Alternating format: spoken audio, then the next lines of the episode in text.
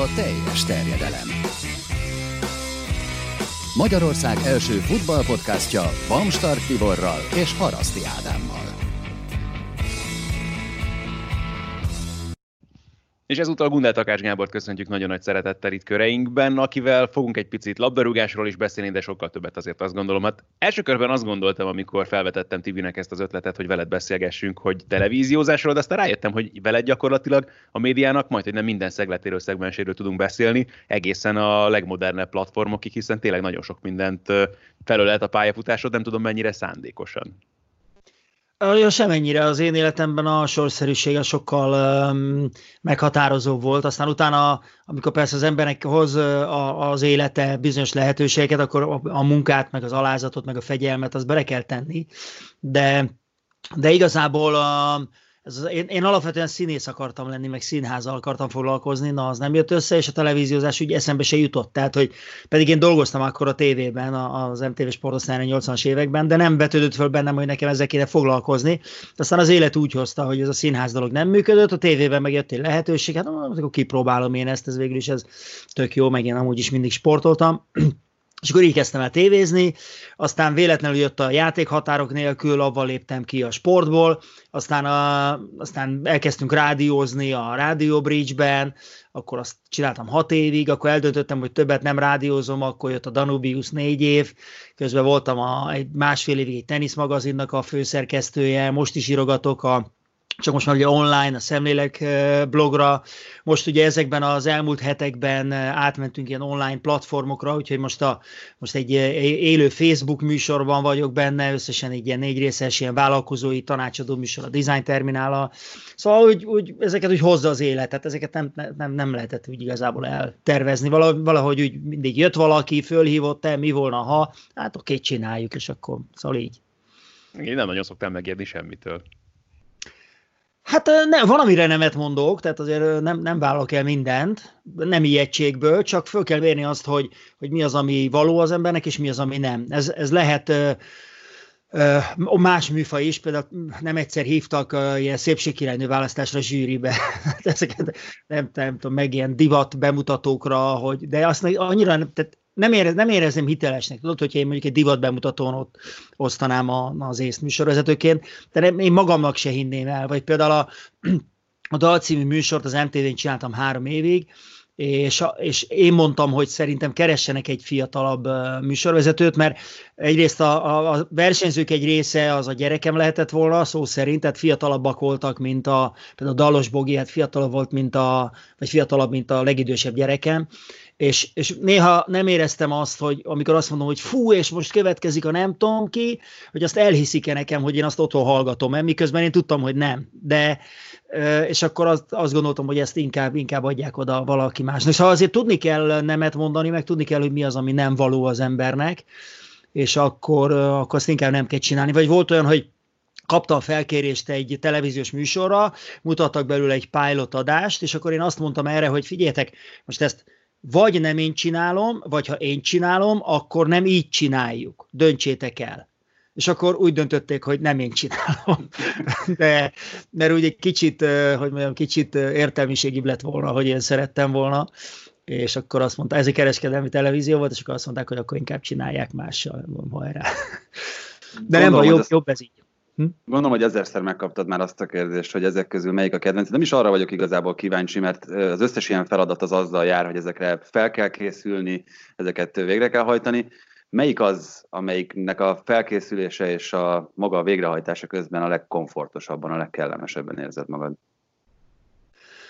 Ez azért nehéz ügy, mert én pont a változatosságát szeretem, meg szerettem a dolgoknak, tehát amikor mondjuk még kicsit más tempóban éltem az életemet, mondjuk az MTV-nél, hogyha ha fölvettem egy szezonban 160 valahány maradj talpont, akkor ugye egy-egy felvételi etap az öt napig tartott, és öt nap alatt fölvettünk 15-öt és a 15 után nagyon jó volt elmenni egy futballmeccsre. De fordítva is igaz, hogyha egy foci eb vagy foci eb egy hónapig csak meccseket néztem zsákszámra, akkor utána nagyon jó volt egy kicsit elmenni, egy vetélkedőt csinálni. Másfajta televíziózás, másfajta gondolkodás, másképp veszi igénybe az agyadat, szóval a kettő úgy kiegészíti egymást, ez nagyon jó. Én is dolgoztam elég intenzíves sporttelevíziónál egy időben, és amikor csinálsz havi 25 meccset közvetítesz, akkor az a futballt is meg lehet utálni. Tehát főleg akkor, amikor a egymás után csinálod az Osasuna Alaves szintű meccseket, tehát azért, mert persze Barca Real tök jó, de amikor a kicsik játszanak, és nem feltétlen jó, és, és Szóval azért bele lehet abba is rettetesen fáradni, és ezért inkább ez, én szeretem ezt a fajta változatosságot, ami van az életemben, mert nagyon, nagyon jól egyensúlyban tartja az embert. Én mindig azt szoktam mondani, hogy nálam, bocsánat, a, az indikátor az ezeknél a dolgoknál, hogy mi az, amit kényelmesen meg szívesen csinálok, hogy általában azok a produkciók, amiket én magam is szívesen nézek. Nálad van ilyen? Ja, hát nyilván, persze. Tehát a, azért, hogyha az ember olyat csinál, az amit nagyon nem szeret, azért azt a néző leveszi, nem? Erre. Tessék? Amit az Osasuna meccs kapcsán gondoltam el, tehát hogy a Barca Reált azt egyébként is megnéznéd, tehát a szívesen is csinálod, míg mondjuk van olyan meccs, amit nem biztos, hogy egyébként bekapcsolnál a tévében, amikor fut. Hát igen, csak hát ugye melyik az a munkahely, ahol csak olyasmit csinálsz, amit szeretsz, nem? Tehát uh, időnként azt is meg kell csinálni, ami kevésbé, kevésbé szeretsz, de meg, meg kell csinálni. Egyszer a Máté Pali vezetett meg, mert mondta, hogy lesz valami jó skót bajnoki, és íz, és elvállalom. Persze, mondom, ezért úgyis olyan ritkán közvetítek, és utólag jöttem rá, hogy egyébként BL forduló van, és rajta senki fogja nézni. Illetőleg volt még egy dolog, amit muszáj volt megcsinálni, a a foci ebben én közvetítettem az Izland-osztrák meccset, ami egy időben kezdett a magyar-portugállal. Ez mondjuk, ezt nem benéztem, ezt tudtam, hogy így lesz, de azt is tudtam, hogy hát ezt senki fogja rajtam kívül uh, nézni, úgyhogy Úgyhogy el, megengedtem magamnak azt a szemtelenséget, hogy úgy, úgy kezdtem a közvetítést, hogy köszöntöm az ismétlés nézőit, hiszen rajtam kívül magyar ember nyilvánvalóan nem nézi élőben ezt a, ezt a mérkőzést, és ez, ez egészen biztosan így is volt. És ráadásul nem volt szerencsém, mert Ugye a kommentátor állásban két monitor volt, és megtehettem volna, hogy az egyiken nézem az osztrák-izlandit, tehát ugye a lassításokat, stb. A másikon meg, meg félszemmel nézem a magyar-portugát. De mondom, nem fegyelmezett vagy Gábor, mert ott történik valamit, meg benézel valamit, nem figyelsz oda, izé, nem szabad szakmai fegyelmezetlenség, így dobta a gép, izé. Oké. Okay. De az volt a probléma, hogy az egyel alattam ülő kommentátor, az viszont nézte és nem tudtam nem látni, hogy potyognak a, a gólok, úgyhogy, úgyhogy nagyon, nagyon észnék kellett lennem. Egyébként egy jó meccs volt az osztrák-izland, tehát kettő egy jó meccs volt, csak hát rajtam kívül senki nem nézte élőben. Szóval nagyon belevágtunk a sűrűjébe, de azt hiszem, hogy tényleg ebben a helyzetben egyébként is azzal lett volna érdemes kezdeni, hogy hogy vagy egyébként mostanában, és hogy telnek a napjaid ebben a szituációban. Köszönöm, látom, hogy ti is otthon ültök, én is, én is otthon ülök. Hát nagyon-nagyon lecsendesedett az élet, ugye nem nagyon vannak sportesemények, csak ugye ismétlések vannak, meg e, nincsenek rendezvények. Dolgoztam volna májusban az úszó ebén, júniusban a foci ebé kapcsán is lett volna e, munkám, hát ezek most mind, mind mennek a, a levesbe. Hát e, megpróbálom úgy fölfogni, és ezt azt gondolom, hogy hogy tulajdonképpen mindenkinek ezt lehet javasolni, hogy akkor nézzük a jó oldalát, hogy akkor ebben mi a jó. Nyilván az nem jó, hogyha valaki beteg, vagy ad abszurdum, hogyha valakinek meghal egy hozzátartozója, azt nem, azt nem tud jó lenni, de ha már otthon kell ülni, ha már lelassult a világ, ha már ilyen helyzetben vagyunk akaratunkon kívül, akkor próbáljuk meg azt, vagy azt is kihozni belőle, ami jó, amit tanulhatunk belőle, talán nem is baj, hogy egy picit így megállt a világ. Lehet, hogy évente egyszer meg kéne állapodni az emberiségnek, hogy most egy hónapra kikapcsolunk, és senki nem utazik sehova, mindenki otthon marad, és egy kicsit összeszedi magát, társas játékozik a gyerekeivel, mint ahogy én is. Most itt van a három 20 éves gyerekem, és akik egyébként már elköltöztek, de mivel még egyiknek sincs el családja, most mindig hazajött, úgyhogy társas játékozunk, meg egy csomó mindent csinálunk, egy kicsit visszajött a, a gyerekkoruk nosztalgiázunk, meg az embernek ilyenkor több ideje van olvasni, meg, meg én is itthon egy csomó mindent megcsinálom, amit évek óta halogatok, ilyen selejtezések, pakolások, stb. A kert soha nem volt még ilyen jó állapotban, mint most. Szóval egy picit, picit azt hiszem, hogy, hogy fel is tudunk töltődni. Igazából a személyes kapcsolatok hiányoznak, tehát az, hogy, hogy nem, mert így is lehet persze beszélgetni, de azért mennyire jobb egy kávé mellett, vagy, vagy nem tudom, vagy amikor ugye a család ünnepségeken összejön a család, mert van egy szülinap vagy egy névnap, most nem tud összejönni a család. Tehát ez meg, ez meg nyilván nem jó. Na mindegy, szumma szumárum, szóval azért meg vagyok, remélem, hogy ez nem tart örökre. igyekszem egy kicsit feltöltődni, meg, megnézni a, a, a jó oldalát, és, és kíváncsian várom, hogy milyen lesz ezek után a világ. Változik-e valamit az emberiség, vagy, vagy elég hülyék vagyunk, és minden visszáll a régi kerékvágásban. Ez is egy nagyon érdekes kérdés, azt hiszem, ezt nyugodtan mondhatjuk. Ugye azzal kezdtem, hogy tényleg gyakorlatilag a médiának, a modern médiának minden szegmensét kipróbáltad, és volt abszolút lehetőséged ugye idézőjelben a televíziózásnak is, talán még ugye a klasszikus korszakába is belekóstolni. Ha azt mondom, hogy telesport, mi az, ami először eszedbe jut? Hát az, hogy amikor én 1983-ban elkezdtem televíziózni, akkor még csináltunk fekete-fehér műsort. Akkor a Szabadság téren akkor építették a, a kettes stúdiót, az volt az utolsó, ami tehát az színes lett, és akkor még volt egy ilyen vetítő, egy ilyen nagy terem, amit átalakítottak ideiglenes stúdiónak, és abban még fekete-fehér műsorokat forgattunk. Tehát emlékszem, hogy a, akkor még úgy indult a futballmeccs, hogy el kellett mondani, hogy a fekete-fehérben televíziózók kedvéért sötét színben az egyik csapat, és világosban a másik. Vagy sose felejtem el azt, hogy én, én ugye ügyelőként kezdtem, az, aki 19 évesen aki a legkisebb pont az egész stábban, tehát egy ilyen mindenes ember, és nekem kellett a feliratokat gyártani. És a szerkesztő megadta, hogy egy adott műsorhoz milyen feliratokra van szükség, névinzertek, stb. És akkor voltak ilyen fekete táblák, meg sárga betűk. És a sárga betűkből a fekete táblára kellett kirakni a neveket, és akkor volt két inzertálvány, és akkor egyes, hármas, ötös, hetest ide, a, a kettes, négyes, hatos, nyolcast oda és akkor azokat úgy váltogatni kellett. Vagy ugyanígy, amikor sporthírek voltak, akkor a, a fotókat így kellett beállítani. Tehát effektíve jött egy fotós, Geleta Pál az MT fotósa például, elhozta a fekete-fehér fotóit, mert akkor vasárnap végigfotózta az összes sporteseményt, és akkor a szerkesztő sorba rakta, és akkor a két inzertálvány, két kamera, inzertálvány, meg én, és akkor ügyesen kellett kivenni időben, nem akkor, amikor ki van adva, és nem úgy, hogy földöljön a többi. Tehát ilyen, ilyen módszerek voltak, és hát tényleg, tényleg ez a, még a klasszikus televíziózás korszaka volt. Hát akkor nyilvánvalóan nagyon tud értékelni egyrészt a modern fejleményeket, meg másrészt nyilván, hogy mondtad, hogy tényleg gyakorlatilag a, ennek a nem is tudom, piramisnak abszolút az elejénél kezdted a pályafutásodat, és aztán abból sikerült tényleg szépen felépíteni az egészet tulajdonképpen, aminek biztos vagyok benne, hogy nagyon sok hasznos hozadéka volt.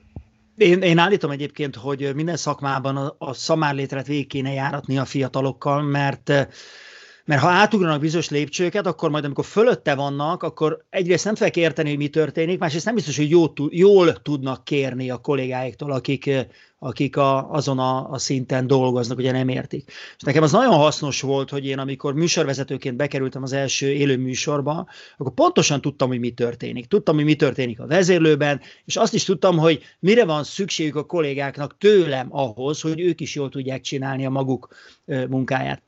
Úgyhogy én nagyon hálás vagyok azért, hogy annak idején ennél a telesportnál ez egy igazi műhely munka folyt, és igazi szerkesztőség volt, és tényleg végig lehetett járni a szamárlétrát, és tényleg lehetett tanulni az öregektől, ott voltunk együtt, lehetett kérdezni.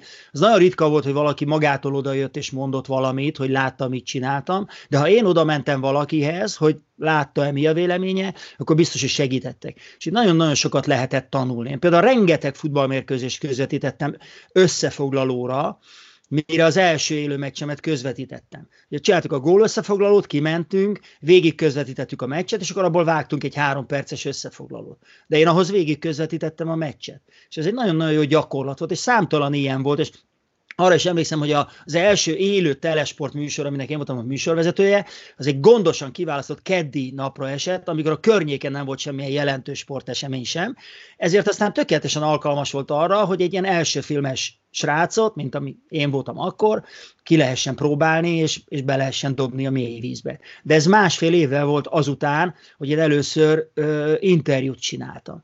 Sose felejtem el, hogy mennyire büszke voltam rá, hogy engem Vitrai Tamás, kérem szépen, elküldött a Bulgáriába a baráti hadseregek Spartakiádjára tudósítónak. És akkor egy operatőrrel, Király Péterrel elmentünk Bulgáriába. És hát szegény Péter egy öreg rutinos operatőr volt, már nem él, én megmondtam, hogy forgassuk ezt, forgassuk azt, forgassuk. de senkit nem érdekel, senkit hidd de, de engem azért küldtek ide, hogy csináljuk, és forgattunk, mint a gép, a Péter nagyon rendes volt, már látta, hogy lelkes még a srác, hazaküldtük az anyagokat, természetesen a három része soha nem került adásba, de, de én nagyon büszke voltam rá, hogy ott voltam a baráti hadsereg Spartak egyen, ti ma azt se tudjátok, hogy mi ez, a, ugye minden, ahogy a Honvéd volt a Magyar Hadseregnek a sportegyesület, ez minden szocialista országban így volt, és ezeknek a katona sportolóknak volt egy ilyen olimpia-szerű, sokféle sportágban zajló eseménye, és hát ez a szocializmussal együtt kihalt, és mint utóbb kiderült, ez az utolsó baráti hadseregek Spartakiádja, tehát történelmi szempontból én még, én még elcsíptem az utolsót.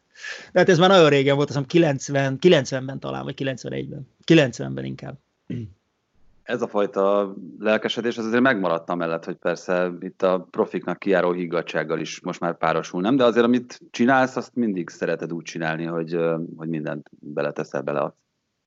Hát fél, most vagy úgy csinálod, vagy nem. Tehát a néző az nem tudja, hogy mitől jó egy műsor, vagy mitől rossz, de, de csalhatatlanul megérzi, hogy ez most kamu, művi az egész, ilyen, hm, vagy, vagy igazi. És én azt gondolom, hogy a, a mi szakmánkban az a, a mérce, hogy van-e még benned kíváncsiság. Mert ha van benned igazi kíváncsiság, akkor tudsz igazi kérdéseket föltenni, és akkor fogsz igazi válaszokat kapni. Ha már nincs benned igazi kíváncsiság, akkor már művi kérdéseket fogsz föltenni, és művi válaszokat fogsz kapni, és az egész büdös lesz, és a néző meg le fogja venni. Tehát én, én mindig kontrollálom magam, hogy érdekel-e még az, kíváncsi vagyok-e. Vagy ha azt érzem, hogy mm, akkor próbálom megkeresni azt az oldalát, ami felől kíváncsi vagyok. Ugye volt egy időszak az MTV-nél, amikor ilyen magazin műsort kellett vezetni, ez a klasszikus, ez a 8-10 ember kell, jön különféle témákban. És mit tudom én, amikor divat, a divat az nem igazán érdekel engem. És amikor jött egy divattervező, akivel beszélgessek 8 percet, mert nyert valami díjat, meg nem tudom, akkor, akkor, akkor bajban voltam, de az biztos voltam benne, hogy én, én nem szúrhatom el az ő dolgát azért, mert engem nem érdekel. Tehát neki meg ez az élete, és őt most behívták ide. Tehát nekem meg kell találni azt a szegmensét a dolognak, a, hogy mire vagyok én kíváncsi. És az egész, a dolog egy kicsit vicces lett, mert a, a hölgy nagyon hamar levette, hogy ez a pali, ez... Hm? Viszont olyan kérdéseket tesz föl, amiket addig nem tettek föl neki. És nyilvánvalóan egy olyan közönségréteget meg nagyon jól elért ez az interjú, aki hasonló volt, mint én, csak nem merte, meg, nem, nem merte vagy nem tudta megkérdezni. Tehát lett egy nagyon jó beszélgetés belőle, de egy ilyen atipikus divat tervező beszélgetés lett belőle, de jó volt, mert, és egyébként mindenben meg tudott találni a kíváncsiságodat, mert tulajdonképpen minden emberi tevékenység mélyén maga az ember van aki gondolkozik, aki kreatív, aki, aki akar valamit, stb. Tehát tulajdonképpen, ha az embert megtalálod a tevékenység mélyén, akkor igazából megtaláltad a, az érdekeset. Hát meg, hogyha a témához megtalálod a hozzátartozó igazán érdekes olyan mélységeket, amik esetleg téged is, meg a nézőket is érdekelhetnek, akkor abból is már az öröm, meg az élmény, hogy többet ki tudtál hozni. Volt-e olyan egyébként, ami, amihez pont ilyen úton, ilyen tapasztalati úton jutottál el, amit magad nem is gondoltál, hogy ez az irány, ez valaha élni fog, de elkezdted, elindultál, megtetszett, mert nem, divattervező nem lettél, amennyire tudom. Nem, nem annyira. Igen. Nem, de, de másképp, hogy... másképp nézem egyébként, tehát az, arra jó dolog, hogy egy picit az ember nyitottabbá válik, de mondjuk divattervező nem lettem. Hogy mi az, amit ezután kezdtem el, nem tudom, azt, mondom, azt, nem mondom, hogy, hogy standard módon azóta én magam is csinálom, de, de hogy esetleg az ember utólag még egy kicsit utána olvas, utána néz, mit is mondott ez az ember, hogy is volt ez, stb. Olyanra, olyanra biztos volt példa. Én amúgy is elég sok mindent olvasok, meg sokfélét olvasok, meg... Azon ezt látjuk is a képen. Hát így igyekszem, vagy nem, nem tudom. Szóval ez a kíváncsiság, ez, ez nem, nem munkahelyi kíváncsiság, hanem ez nyilván az emberből fakad. Üm, és azért az működik, de nem, nem, azt nem mondhatom, hogy azért lettem, nem tudom én micsoda, mert azért kezdtem el érméket gyűjteni, mert valaki azt mondta, hogy ha nem. Mondjuk volt egy pofa élmény, azt nem, nem mondom, hogy azóta foglalkozom, azóta, azóta a, a, a, megkérde, a, a, a, én nagyon szeretem a jégmadarakat. És ennek a, a, az nagyon, szerintem nagyon szépek. És pont egy ilyen beszélgetés műsorban, mint amiben ez a divatos is volt, a Hanga Zoli, az állatkert szóvivője, behozott egy jégmadarat, nem egy valamilyen ausztrál vagy új-zélandi alfaját ennek a madárkának. És miközben beszélgetünk a stúdióban, ő ott fogta a madarat a, kezén, és ott ült a madár. És hihetetlen volt, hogy ahogy mozgatta a kezét, mozgott vele a madár is, de úgy, hogy a feje a madárnak az tökéletesen moccanatlan volt.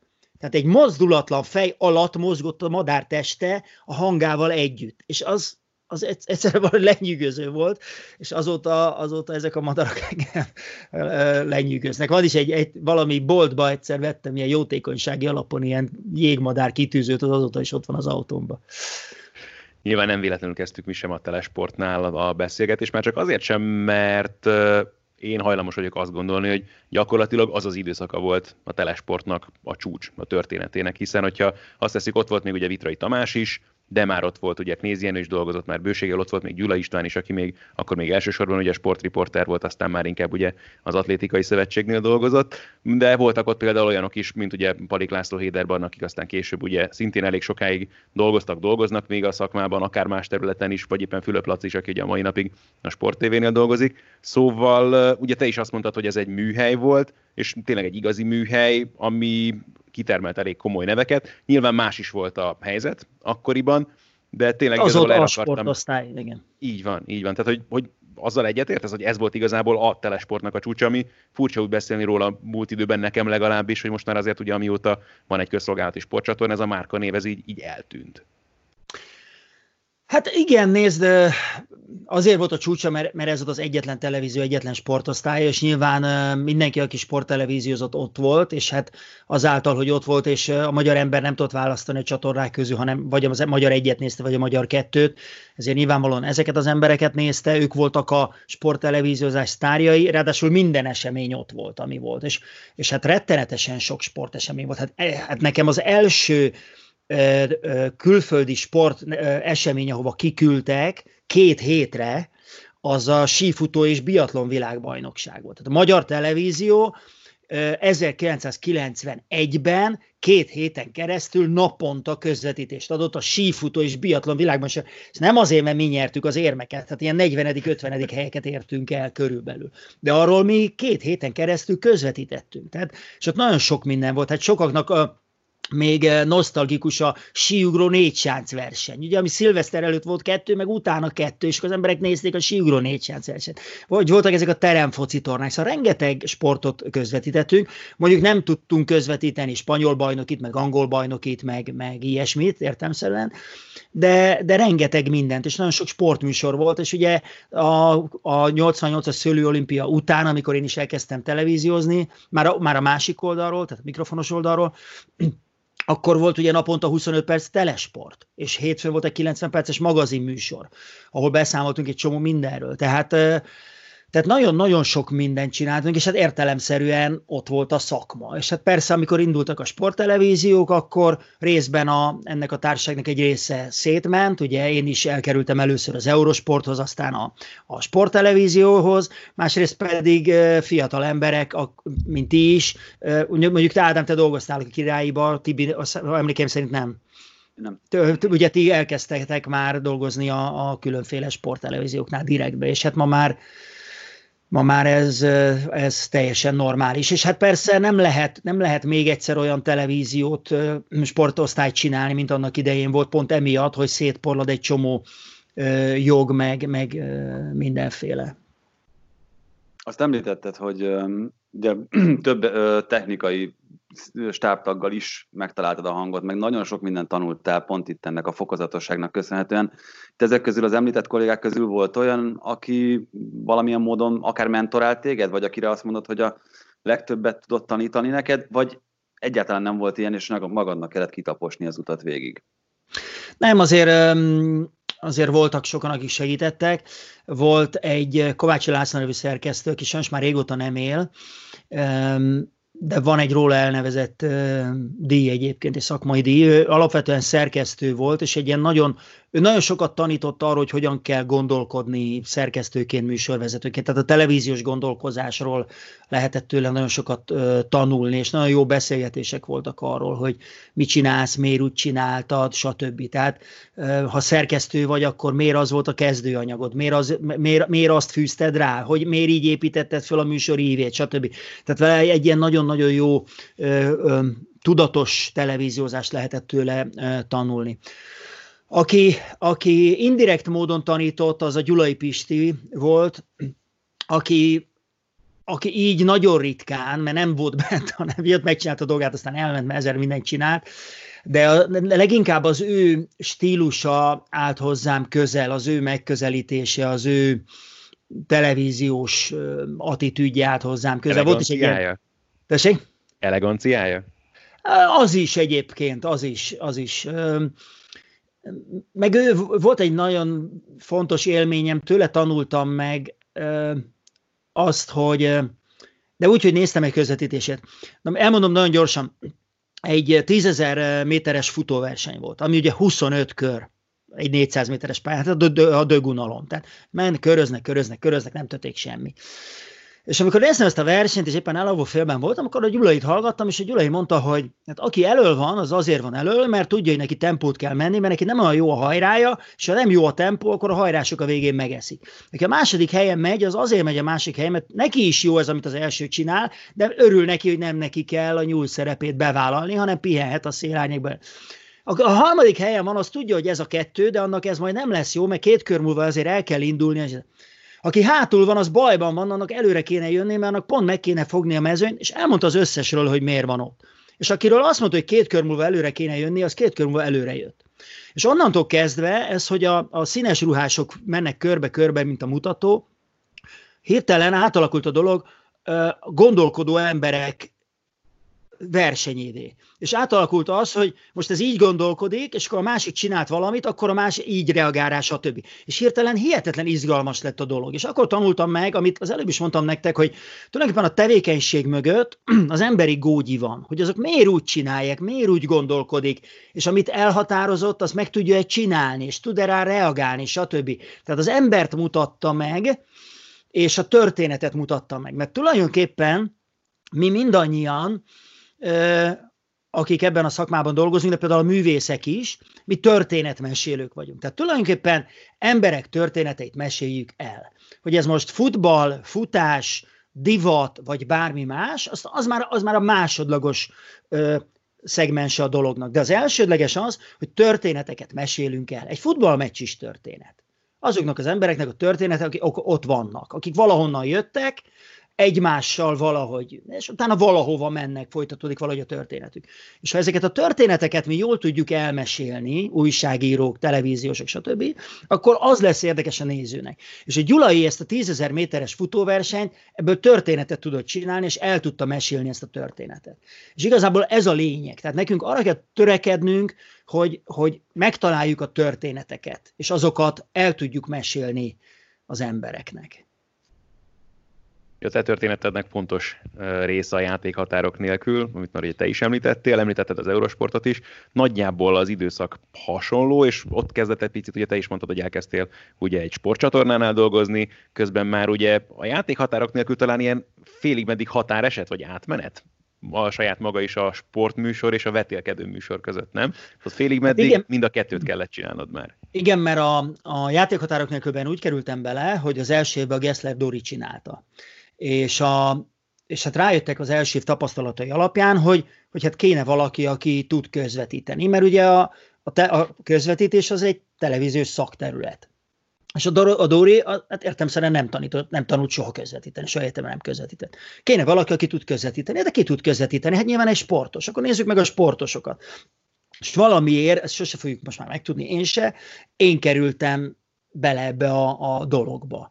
És akkor ezt elkezdtük csinálni, és ráadásul elkezdett működni. Ez az egész nekem nagyon passzolt. A játékossága, a humora, az egész, az, az én egyéniségemhez nagyon összejött. Azt sose felejtem el, amikor kimentünk az első felvételre Portugáliába, és Apró Attila volt ennek a műsornak a rendezője, és jött az első játék, és úgy odaállt mögém, és hallgatta, hogy mit beszélek. Mert értem szerint én akkor egy kazettára, tehát rögzítették a hangomat, és majd utólag vágták össze, mert ez nem élő volt hallgatta, hogy mit beszélek, és jó lesz.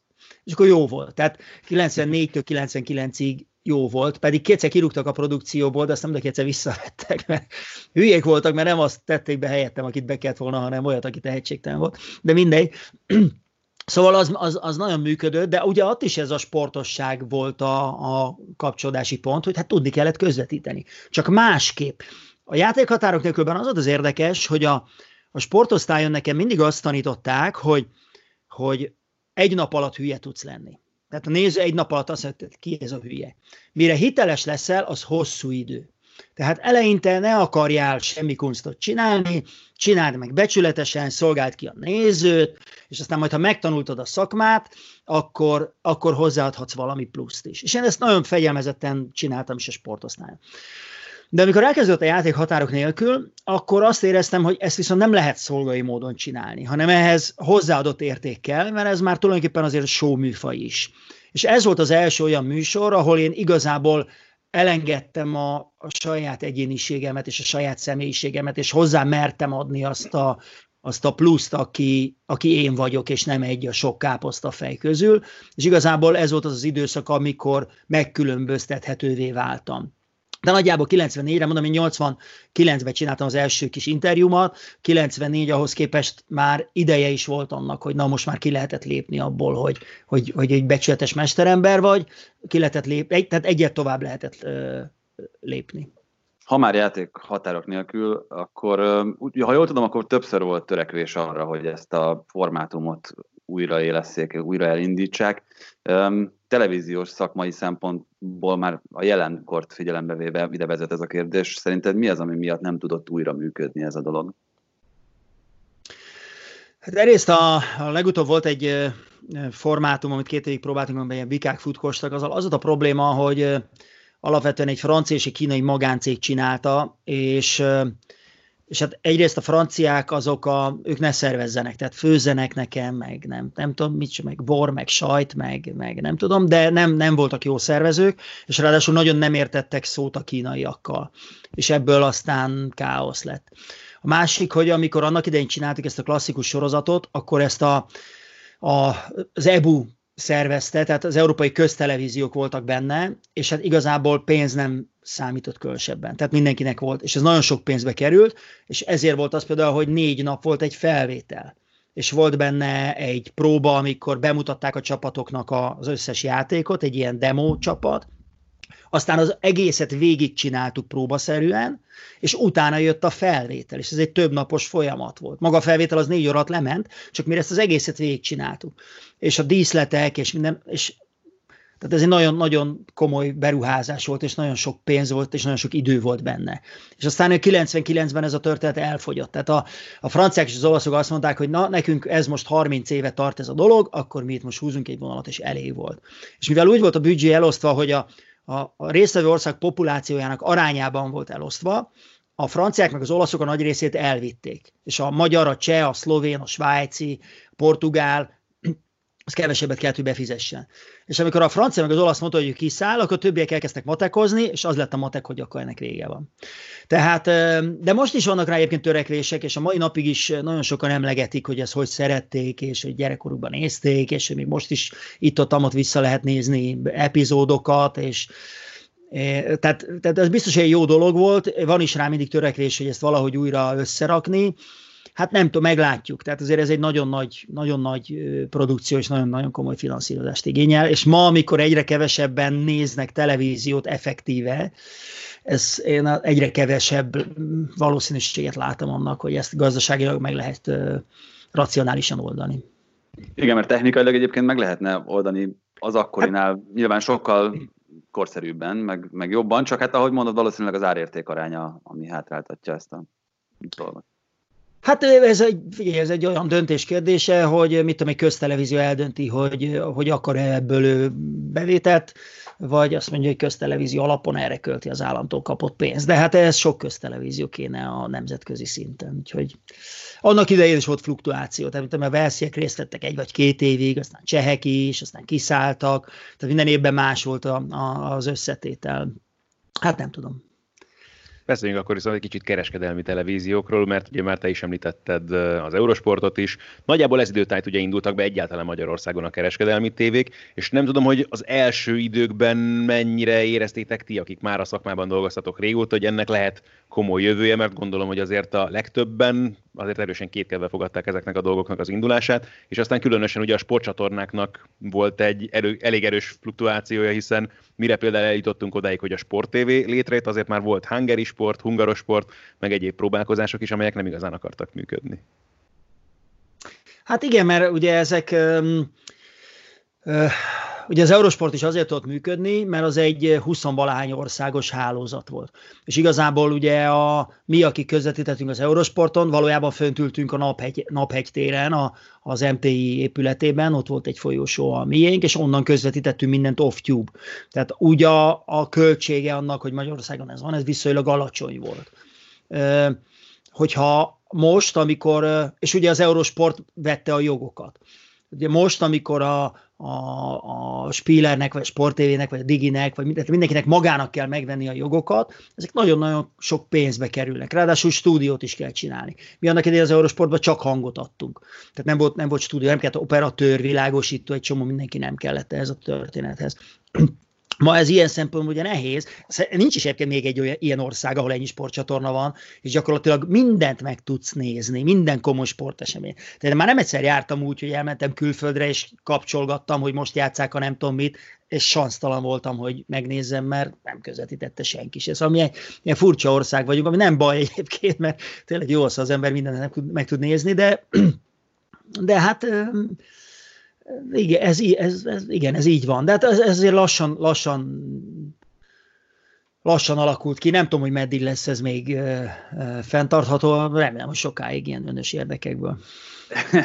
Mindent ingyen. Tehát, hogy inkább az a, az a nagyon érdekes, hogy uh, itt Magyarországon, bár ugye volt rá próbálkozás szintén, de ezt a pay-per-view tartalmat, ezt egyszerűen nem veszi be a, az előfizetők, a felhasználók gyomra. Hát nem, de azért mondjuk tulajdonképpen te is előfizető vagy, mert vagy a kábelszolgáltatódnak, vagy valakinek azért fizetsz a, a műsorért, másrészt meg annyit alakult a dolog, hogy tehát egyrészt a sportcsatornáknál az a jó, hogy a célközönség nagyon jól behatárolható, magyarán szóval a hirdetés hatékonysága nagyon jó. Tehát, hogyha megnézed a vasárnap valamelyik szórakoztató műsort, valamelyik kereskedelmi csatornán, annak ugyan sokkal nagyobb a nézettsége, de sokkal szélesebb a nézői spektrum, és ezért a célközönség, tehát a, a te hirdetésének a célközönsége, az annál azért lényegesen kisebb.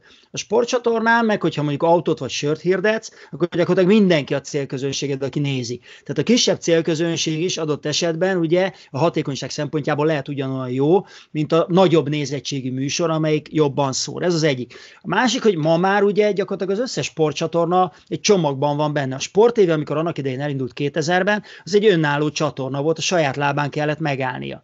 Ma már a Sport TV is, és az összes ö, sportcsatorna, az mindegy csomagnak a része, és ugye ezeknek a csomagoknak az értékesítése, az meg egy egészen más gazdasági helyzet. Tehát tulajdonképpen abban, hogy ilyen sok sportcsatorna van, abban az is benne van, hogy mindenki akar a csomagjában egy sport csatornát is, mert ha eladja a csomagot, akkor azt a célközönséget is tudnia kell ö, lefedni. Szóval ez már egy ilyen nagyon furmányos gazdasági számítás, Hát egyébként megmondom őszintén, amikor a Digi például indult, akkor azt mondtuk, hogy hát ez fenntarthatatlan. Tehát ez annyi pénzbe kerül, meg akkor hirtelen annyi jogot vettek, hogy ez biztos, hogy, hogy bukta lesz. Aztán hát azóta is megvannak valahogy sikerült kimatekozni, nem, nyilván nem tudom mögötte a számokat, meg nem is értek hozzá.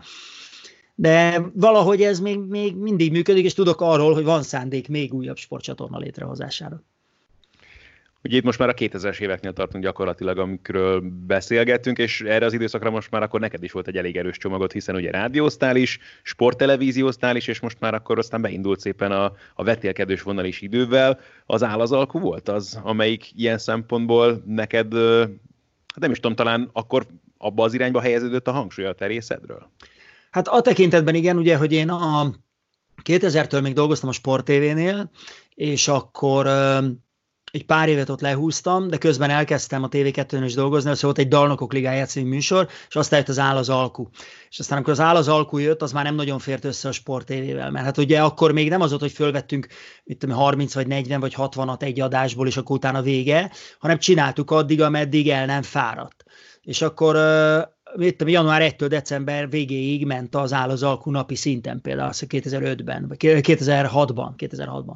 És hát amellett aztán már végképp nem fért össze semmi mással, és akkor, akkor kezdtem el sokkal kevesebb sportot csinálni, mint ami szórakoztató műsor, és akkor kicsit akkor, akkor csúszott át a, ez a, az egyensúly a nem sportműsorok oldalára. Aztán amikor 2007-ben visszakerültem a, az MTV-be, akkor kezdtem megint sportot is csinálni, de például akkor is mondjuk a maradj talpon az elsődleges volt, és amikor nem volt maradj talpon, akkor közte tudtam sporttal foglalkozni, illetőleg a nagy sportversenyekre, ebére, foci ebére, foci VB-re, olimpiára uh, utaztam én is. De mondjuk egy magyar bajnokit akkor közvetítettem, ha éppen nem volt maradj talpon uh, felvétel. Hát ez egy jó, ilyen szempontból jó időszak volt, mert akkor megint sok sportot tudtam közvetíteni, és aztán amióta 2017-ben, most a három éve eljöttem újra az MTV-től, azóta viszonylag kevesebb megint a, a sport. Hát a Tibivel BL-ezünk a Spieleren rendszeresen, igen, de körülbelül ennyi. Tehát nem vagyok ott sem uh, alkalmazott a csatornánál, csak a, ezekre a BL műsorokra van egy szerződésem. Ugye a játékhatárok nélkül kapcsolatban mondtad, hogy ott már megmutathattad, hogy nem vagy egy, egy káposzta fej a többi közül, az álazalkú volt, az, ahol úgy Isten igazából megismerhették az igazi gundit, hogyha úgy tetszik az emberek a tévén keresztül? Hát nem tudom, lehet.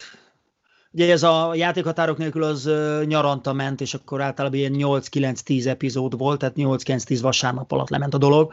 Ez az állazalkú volt az első, ami minden hétköznap este ott voltam a, a képernyőn, tehát sokaknak nyilván sokan nyilván... Nem, nem is ilyen szempontból gondolom, bocsánat, hanem tényleg hangulatában, stílusában, ahogy mondtad, hogy a játékhatárok nélkül már egy picit eleresztheted magad, és nem kellett a, tényleg a bordó vagy mhm. zöld zakós telesportos műsorvezetőnek lenni, hanem lehettél a laza, humoros, jó fej, aki szórakozik az igazgató úrral, akár a játékosokkal, és aki tényleg feloldódhatott ebben az egészben. Hát igen, nézd, ez, ez mindenképpen kell. Tehát, ahogy mondtam, hogy a, a játékhatárok nélkül már nem volt elég szolga olyan csinálni, ez is így van. Tehát igazából minden televíziós műsorban tudnia kell a műsorvezetőnek, vagy a képernyőn lévőnek, hogy hol van az ő helye. Egy híradó műfajban abszolút kiszolgáló, tehát abszolút neki kell kiszolgálni az eseményt. Egy sportnál ott, ott már sokkal ink- ott, már, ott már többre van szükség. Egy showműsornál meg abszolút többre van szükség. Tehát a sportműsornál, vagy a, a showműsornál a shownak hozzáadott értéke maga a műsorvezető is. Tehát azt nem lehet úgy csinálni, mint egy fotballbíró, akinél az a jó, ha nem vesznek észre, hanem ott neked hozzáadott értéket kell tudni adni. És ott muszáj, hogy ö, ezt te megted, mert a műsor önmagában nem biztos, hogy elviszi. Ö, és kellenek azok a személyiségek, akik, akik tudnak hozzáadott értéket adni az ilyen típusú ö, műsorokhoz. De meg kell mindig nézni azt, hogy a te személyiségedhez passzol-e, vagy nem passzol, tehát hogy hol van ez a dolog. Az állazalkut azt én azért szerettem, mert ugye mindig mondta, hogy a pénzről szól, meg táskákról szól, de valójában nem, az is emberekről szólt, meg történetekről szólt. A pénz meg a táska, az a trambolin volt, az a tízezer méteres futóverseny volt, csak most táskák voltak.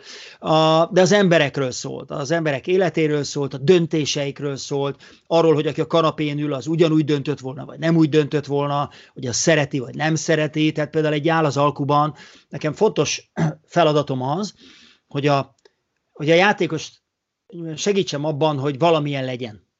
Lehetőleg szerethető legyen. De ne legyen neutrális, ne legyen langyos, mert akkor érdektelen, az nem jó. Volt, aki nem volt szerethető, és próbáltam rajta segíteni, hogy ez így nem lesz jó, hát nyilván nem így direktben, de próbáltam valahogy kiráncigálni. Volt, aki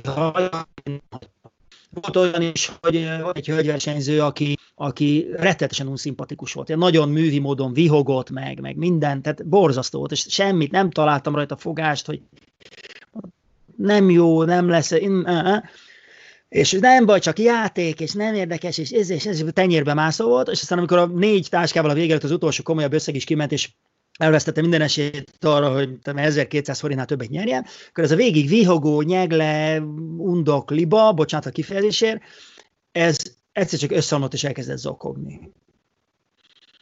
És elmondta, hogy, hogy, hát, hogy, ő, hogy ő, neki most se, tehát semmi, tehát ott hagyta a barátja, beteg az anyukája, meghalt a cicája, ez, és most még ez is. De az az ember, aki 40 percig mű volt, az hirtelen emberivé vált, és szerethetővé vált. És nekem dolgom, hogy ezeket meg elmeséljem ezeket a történeteket, hogy ezeket meg, megmutassam, amiről beszéltem nektek. Szóval az ilyen típusú műsorokban a műsorvezető, ez azért van ott. Azért, meg azért van ott, hogy, hogy észrevegye, hogy mikor kell csendben maradni, és mikor kell fölgyorsítani a dolgokat, mikor kell engedni a lovakat, mikor kell visszafogni.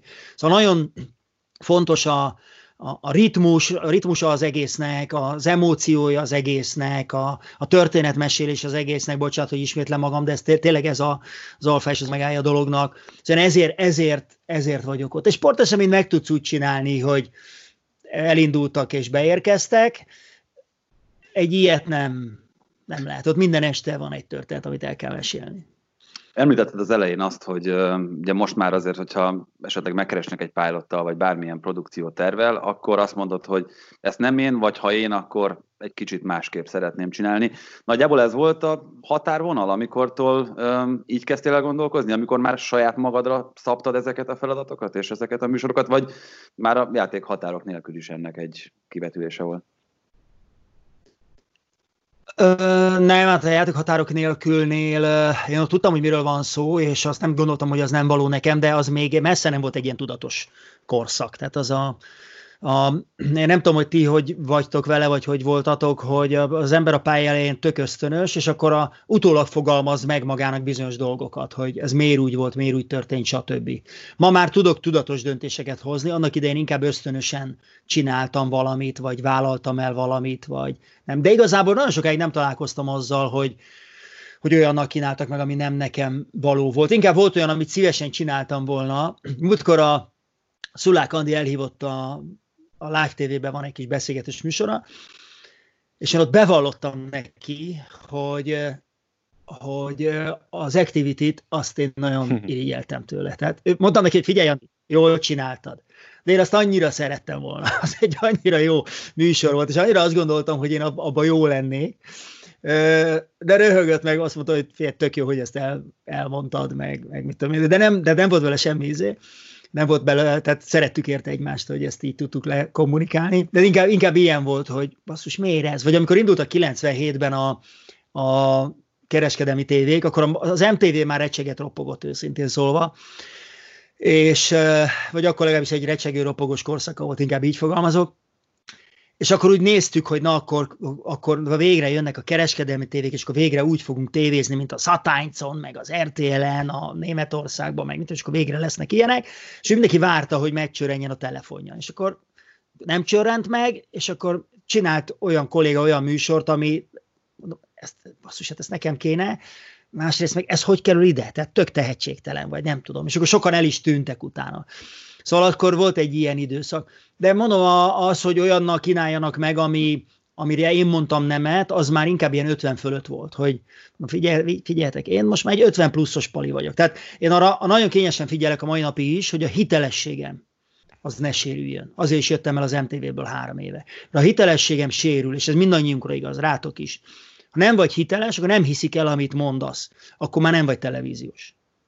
Viszont az a része, amit beszéltünk, hogy már magadra szabtad a feladatokat, ez mennyire volt jellemző például egy maradj talpomban, hogy már teljesen a te személyiségért közé, köré épült az egész műsor.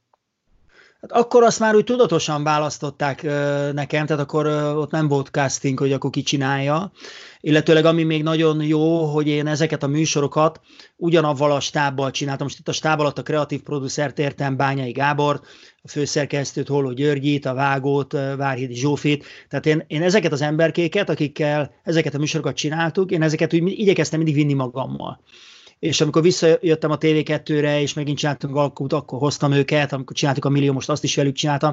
Azért, nem azért, mert a barátaim, hanem azért, mert ők ismernek engem, és tudják, hogy mi az, amit tőlem kérhetnek, mi az, amit nem, mi az, ami nekem jól áll, mi az, ami nem. És ráadásul a Bányai Gábor az a kreatív producer, akire nekem szükségem van, mert én állítom, hogy mindenkinek szüksége van, legyen külső kontroll aki megmondja, meg tudja mondani, és meg is meri mondani, hogy figyelj, ez most nem volt jó, vagy ezt neked nem kéne, stb. Mert lehetsz te bármilyen okos, meg tudhatsz bármit, bármilyen sokat a szakmáról, akkor is kell valaki, aki ezt kívülről látja, és megmondja. Volt olyan szituáció, amikor már hát öreg motorosként az MTV-be visszakerültem, és akkor jött egy ilyen nagyon illedelmes fiatal szerkesztő fiú, hogy jaj, hát tegezhet el, meg izé, meg mit tudom, és akkor éreztem, hogy ebből baj lesz, és akkor leültünk a műsor előtt, és mondtam neki, hogy figyelj, te vagy ennek a műsornak a szerkesztője? Igen, én vagyok. Neked az a dolgod, hiába vagy 30 éve fiatalabb, az a dolgod, hogyha egy hülyeséget csinálok, vagy hülyeséget beszélek, akkor szóljál. Mert az a baj, hogyha én hülyeséget beszélek, és te nem szólsz, és én hülye maradok. Neked az a dolgot. Tehát csak azért, mert te a gyerekem lehetnél, az, ne, az, ne, az nem elég arra, hogy te nem szólhatsz. Neked az a, az a munkád, azért fizetnek, meg azért van kiírva nevet, hogy ezt megcsinál. Szóval ezek kellenek, még, tehát mi ilyen szinten is. Hogyha valaki elveszti a külső kontrollt, ha mindenkit elmar maga mellől, aki ezt megmeri mondani, akkor az személyiségtorzuláshoz fog vezetni, és akkor, és ez nagyon rossz, amikor a hátad mögött azt mondják, hogy ennek már rég nem itt kéne lennie, és az, és az meg annyira szánalmas szerintem. Szóval, szóval szóljatok, hogy Gundi, Gundi most már nem kéne. Viszont szerencsére ugye nem csak lehetnének gyerekeit, hanem van is három, akik közül ráadásul Bence ugye nagyon alaposan kötődik a labdarúgáshoz, amit ugye te is megismerettél újságíróként, sportriporterként egy elég komoly szinten, és hát nyilván gondolom, amikor először elkezdett focizni, akkor még nem arról beszéltetek, hogy hú, te majd esetleg Újpesten vagy akár Fehérváron fogsz majd védeni, de amikor ez elkezdett élesedni ez a dolog, akkor te mennyire tartottál attól, hogy húha, hová fog kerülni a te fiad? Hát nyilván ugyanúgy izgul az ember a gyerekéért, mint hogyha nem sportoló lenne, de Szóval igazából ennél a gyerek, ennél a Bencénél nagyon hamar látszott, hogy neki a sporthoz van tehetsége. Tehát a, én például olyan gyerek voltam a suliba, aki jó volt a humán tárgyakból, és nem volt jó a reál tárgyakból. Nem is érdekeltek annyira. És általában a, a, a gyerekek zöme az vagy az egyikből jó, vagy a másikból jó. Ez a gyerekem, ez vagy mindenből jó volt, vagy mindenből rossz volt, attól függ, hogy, attól, hogy szorgalmas korszaka volt, vagy lusta korszaka volt. Mert ő a sportban volt mindig tehetséges. Tehát a, a lányom azért tanult meg biciklizni, mert bedühödött, mert az öccse hamarabb biciklizett, mint ő. És az öccsét nem kellett megtanítani biciklizni, hanem egyszer bejött az utcára, hogy tudok biciklizni. Ilyen tökös gyerek volt, elfért az asztal alatt. És mi az, hogy tudsz biciklizni? Hát felülök, azt megyek. Szóval, és mindig is nagyon jó volt a sportban, ezekben a mozgásokban, és mindig barom jó versenyszellem volt benne, tehát ő abszolút a sportra van kitalálva, és látszott, hogy ugye mind a három gyerek sportol, de ő az, akiből lehet is sportoló, bár nem azért kezdtek el sportolni, sportolók legyenek, úgy voltunk ezzel, hogy, hogy sportoljanak, és akkor amelyikből sportoló akar lenni, az a sportoló lesz. És a Bence az, aki, aki látszott mindig, hogy ez neki a, tehát ő ebben tehetséges. Önmagához képest ő a sportban a legtehetségesebb. És és hát most, most a Vidinél van ugye az ember, éppen edzésem van most, amikor ezt a beszélgetést csináljuk. Most csak az jutott eszem, azért is kezdtem el mosolyogni, mert amikor azt hiszem talán legutóbb találkoztunk, akkor mondtad, hogy a sok Piatov videó megtette a hatását, és ennek köszönhető, hogy... Milyen videó? Piatov videó, tudod a... Ja, ja. Piatov, Piatov meg Terstégen, ez a kettő. Igen. A Piatov az az én kedvencem, de, a, de ő például rendszeresen, viszonylag érdekes, hogy viszonylag kevés meccset néz, de rengeteg ilyen kapus videót, meg ilyeneket, meg elemzéseket, meg edzés videókat, meg ilyeneket viszont elég sokat. Meg a Terstegen az etalon, igen. Igen, ebben az adásban talán arról nem beszéltünk még, hogy ugye te is kézilabdáztál elég komoly szinten, és ugye te is kapus voltál. Tehát ilyen Igen. szempontból nyilvánvalóan, hogy valamit kellett azért tőled is örökölnie, de ugye, hogy egészen, vagy hogy is fogalmazok, tehát az emberek szemében azt szerintem elvitathatatlanul elmondhatjuk, hogy azért nagyon másként néznek jelen pillanatban is a magyar labdarúgókra, meg a magyar kézilabdázókra, mondjuk most csak a sport két különböző szegmensét akartam megemlíteni. Ugye ezzel kapcsolatban akartam kérdezni, hogy amikor élesedett már a dolog, és egyértelmű volt, hogy ehhez van tehetsége Bencének, és hogy ebben viheti sokra, hogy akkor nem tartottál -e ettől, vagy te nem aggódtál emiatt, hogy hová fog kerülni. Nézd, én ezzel úgy vagyok, hogy ez egy ilyen, hogy az én életemben is a sorszerűség sokat számított az övékben is. Az iskolával általános az utca túloldalán van egy, vagy volt egy sporttelep, hát még mindig ott van persze, és ott kezdett el a nagyobbik fiam focizni, és akkor persze a kicsi is szólt, hogy hát ő is akar focizni, és akkor fociztak. De aztán a, például a nagyobbik fiam, aki nem volt nagyon tehetséges fociban, ő aztán elment kézilabdázni, és kézilabda sokkal inkább nekivaló volt. Későn kezdte, nem is lett kézilabdázó, de egy, az egyetem végéig gyakorlatilag játszott uh, MB2-es szinten a, a Honvédba. A Bence meg ott maradt, tehát ő meg ott bele, beleragadt ebbe, ott maradt, és ezzel úgy voltam, hogy, hogy hagyni kell, tehát nem kell, nem kell megmondani a gyerekeknek, hogy, hogy mik legyenek, inkább azt kell figyelni, és mi is úgy neveltük őket, hogy azt figyeljük, hogy miben tehetségesek, és akkor viszont abban próbáljuk őket segíteni. Tehát én nem akartam egyiket se rábeszélni, hogy tévézzenek, mert milyen tök jó, és az anyjuk se akarta rábeszélni, hogy legyenek fogorvosok, mert milyen tök jó, hanem inkább figyeltük, hogy mi legyen. És akkor a jogász lett végül, a lányunk művészeti vonalon dolgozik, a Nemzeti Galériában dolgozik, meg, meg művészetmenedzsmentet tanul, a kicsi meg sportol. Mert mind a háromnak ez a, ehhez van tehetsége, ez az irányultsága, stb. Tehát én ebben a sportág választással is így voltam. Igen, a foci ilyen, de hát a foci az szerelem, hát az más.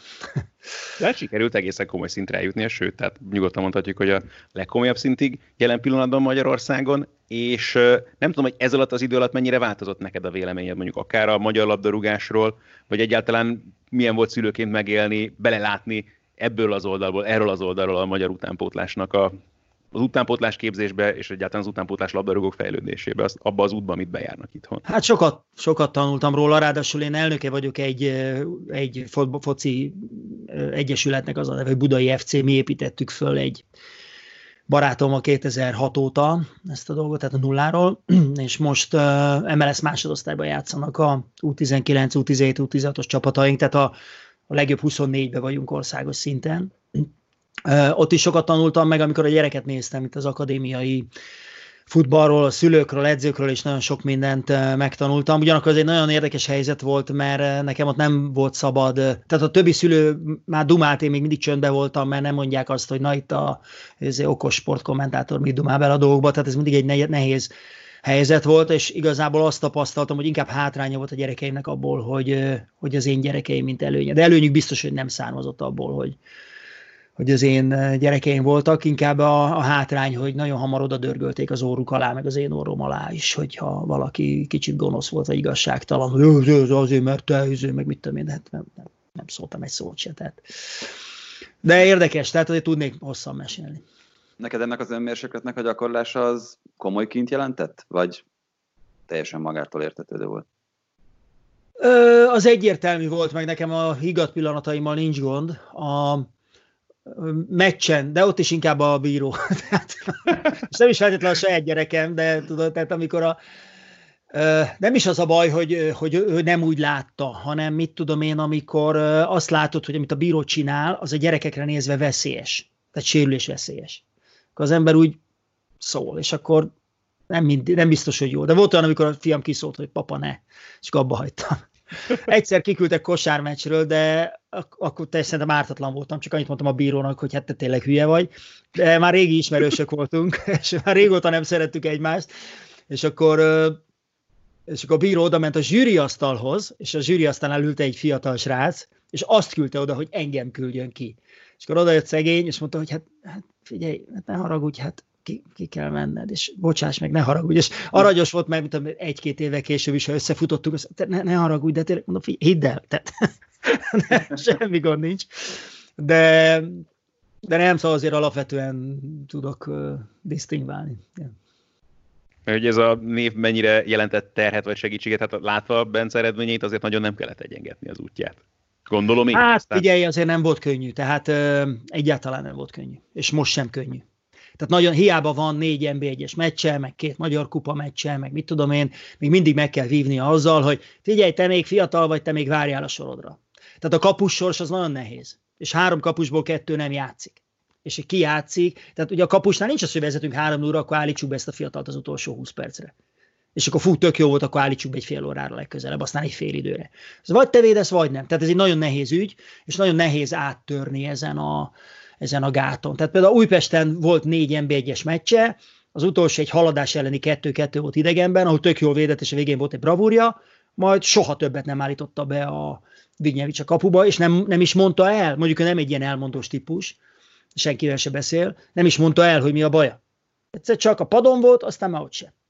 De hogy miért nem tudni. És nem is, nem is igazán, hát a kapus az, meg sok edző van még mindig, akinél a kapus még mindig szükséges rossz. Tehát nem úgy fogja föl, hogy van egyet több mezőnyjátékosom, aki védeni is tud. Hanem van a kapus, jaj, azokkal csak mindig különcködnek, meg, izé, meg baj van velük, meg nem tudom. Szóval ez egy nehéz, nehéz kenyér. Inkább egyébként abból voltak problémák, hogy hát rendszeresen bekiabáltak a gyereknek, hogy maradj talpon, meg mi van, mi van, Gundi, nem áll az alp, meg, tehát ezeket úgy mindig megkapja. És, Tehát ezeket viszonylag azért gyorsan megszokja, vagy belerázódik. Hát szegény kénytelen volt, igen, gyorsan megszokni. Úgyhogy...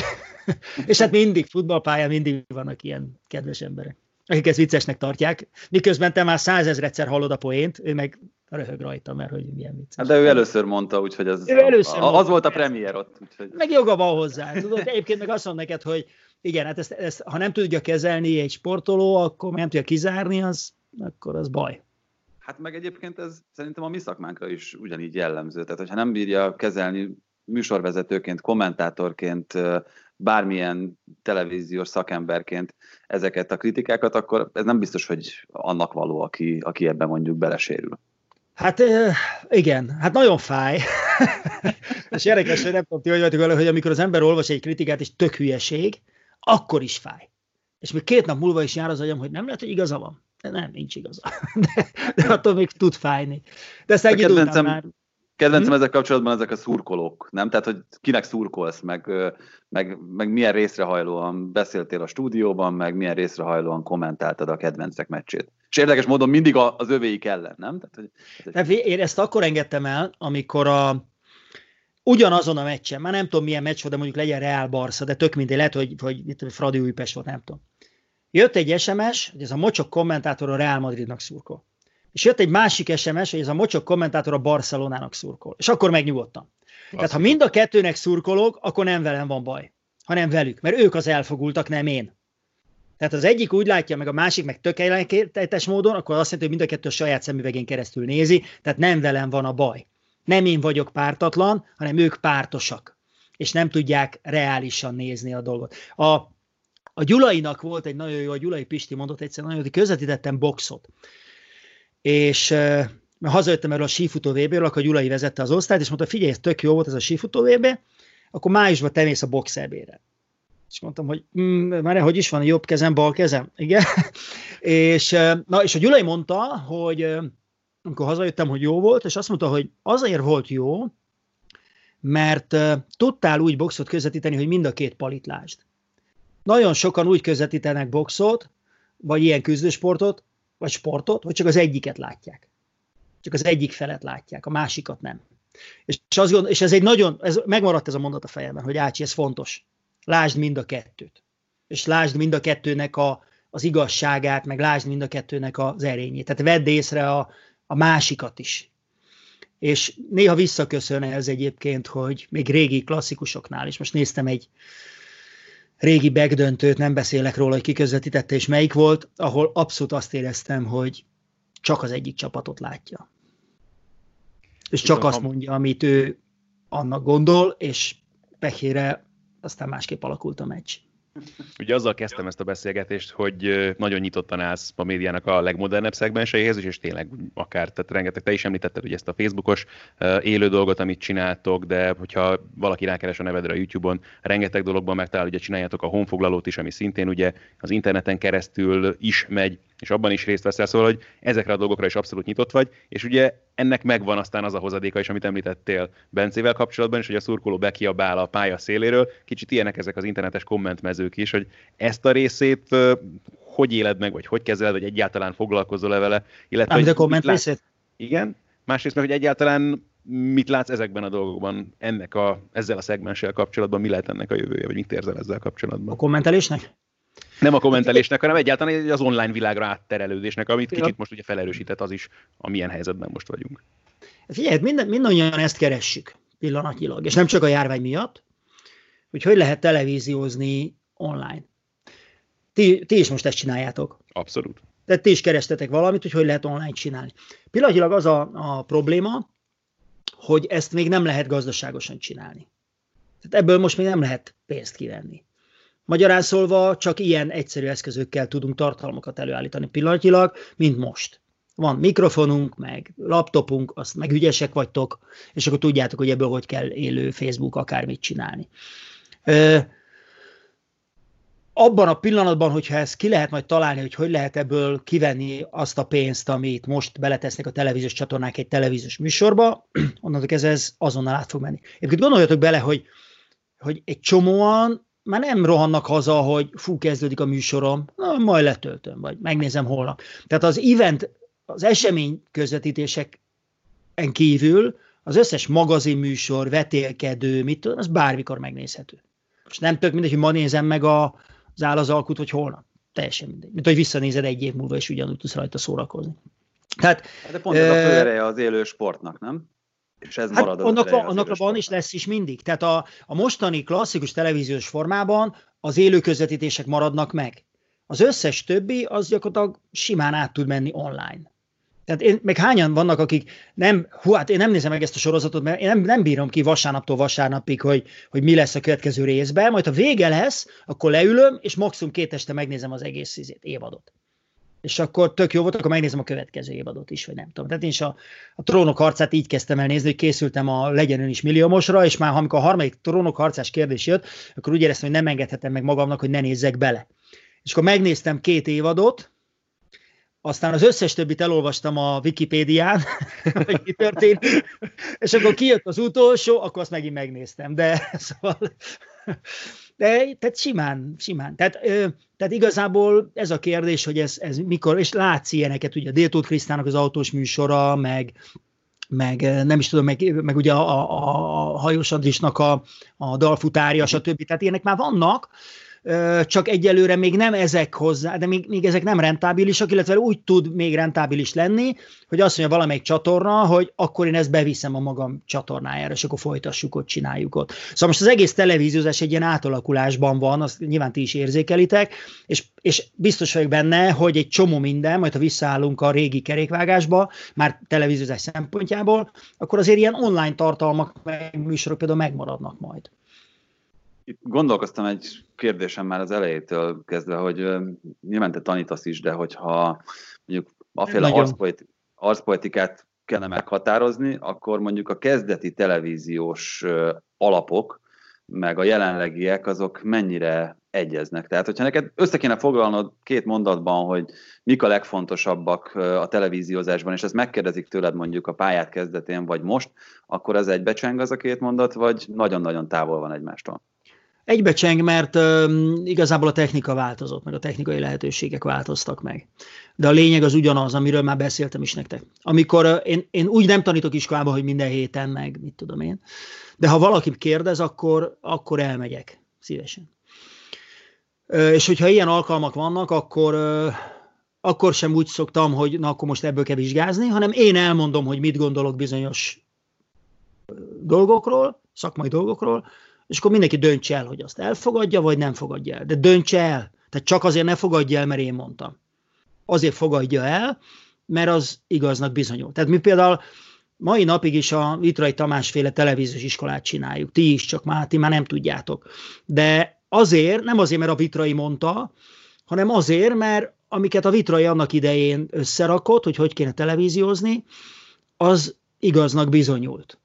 És tulajdonképpen ez az, ami tovább megy felétek is, mert aztán rajtunk keresztül, meg a fiatalok felé igazából ugyanazok a, a dolgok működnek, de, de ez változatlan. De az, hogyha egy ilyen előadást tartok, akkor mindig, az, mindig ezzel szoktam kezdeni, hogy vizsgáljátok meg magatokat, hogy van-e bennetek igazi kíváncsiság. Kíváncsiság. És ez bármit hoz a technika, meg bárhol fogunk televíziózni, ez lesz a perdöntő, a kíváncsiság. Mert csak akkor fogunk tudni jó kérdéseket föltenni, és jó válaszokat kapni, és csak akkor fogunk tudni jól történeteket elmesélni. Hogy a történetet hogy meséled el? Online, vagy a Spilleren, vagy a TV2-n, vagy az RTL-en, vagy az, az mindegy. El tudod-e jól mesélni? És ez soha nem fog megváltozni. Hát akkor mi is nagyon kíváncsian várjuk, mert hogy a te történeted is hogyan folytatódik tovább itt ebben a rengeteg dologban, amiben kipróbáltad, meg kipróbálod magadat folyamatosan, és hát nagyon szépen köszönjük, hogy a rendelkezésünkre álltál. Örülök, hogy láttalak benneteket, még egy jót beszélgettünk. Abszolút, Köszönjük abszolút. szépen. Jó Nektek egészséget pedig. mindenkinek, nektek is. Viszont kívánjuk, ahogyan a nézőinknek, hallgatóinknak is, akik velünk tartottak, és természetesen várunk titeket majd a jövő héten is. Köszönjük a figyelmeteket, sziasztok!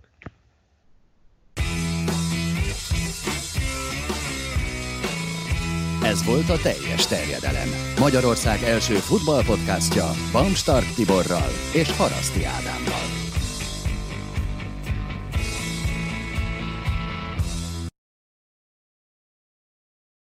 Ha más podcastekre is kíváncsi vagy, hallgassd meg a Béton műsor ajánlóját.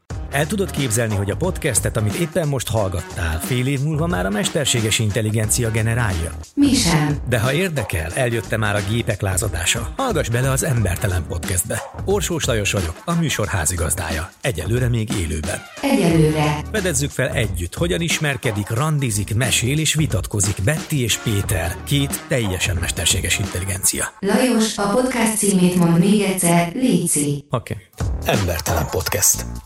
Ez a műsor a Béton közösség tagja.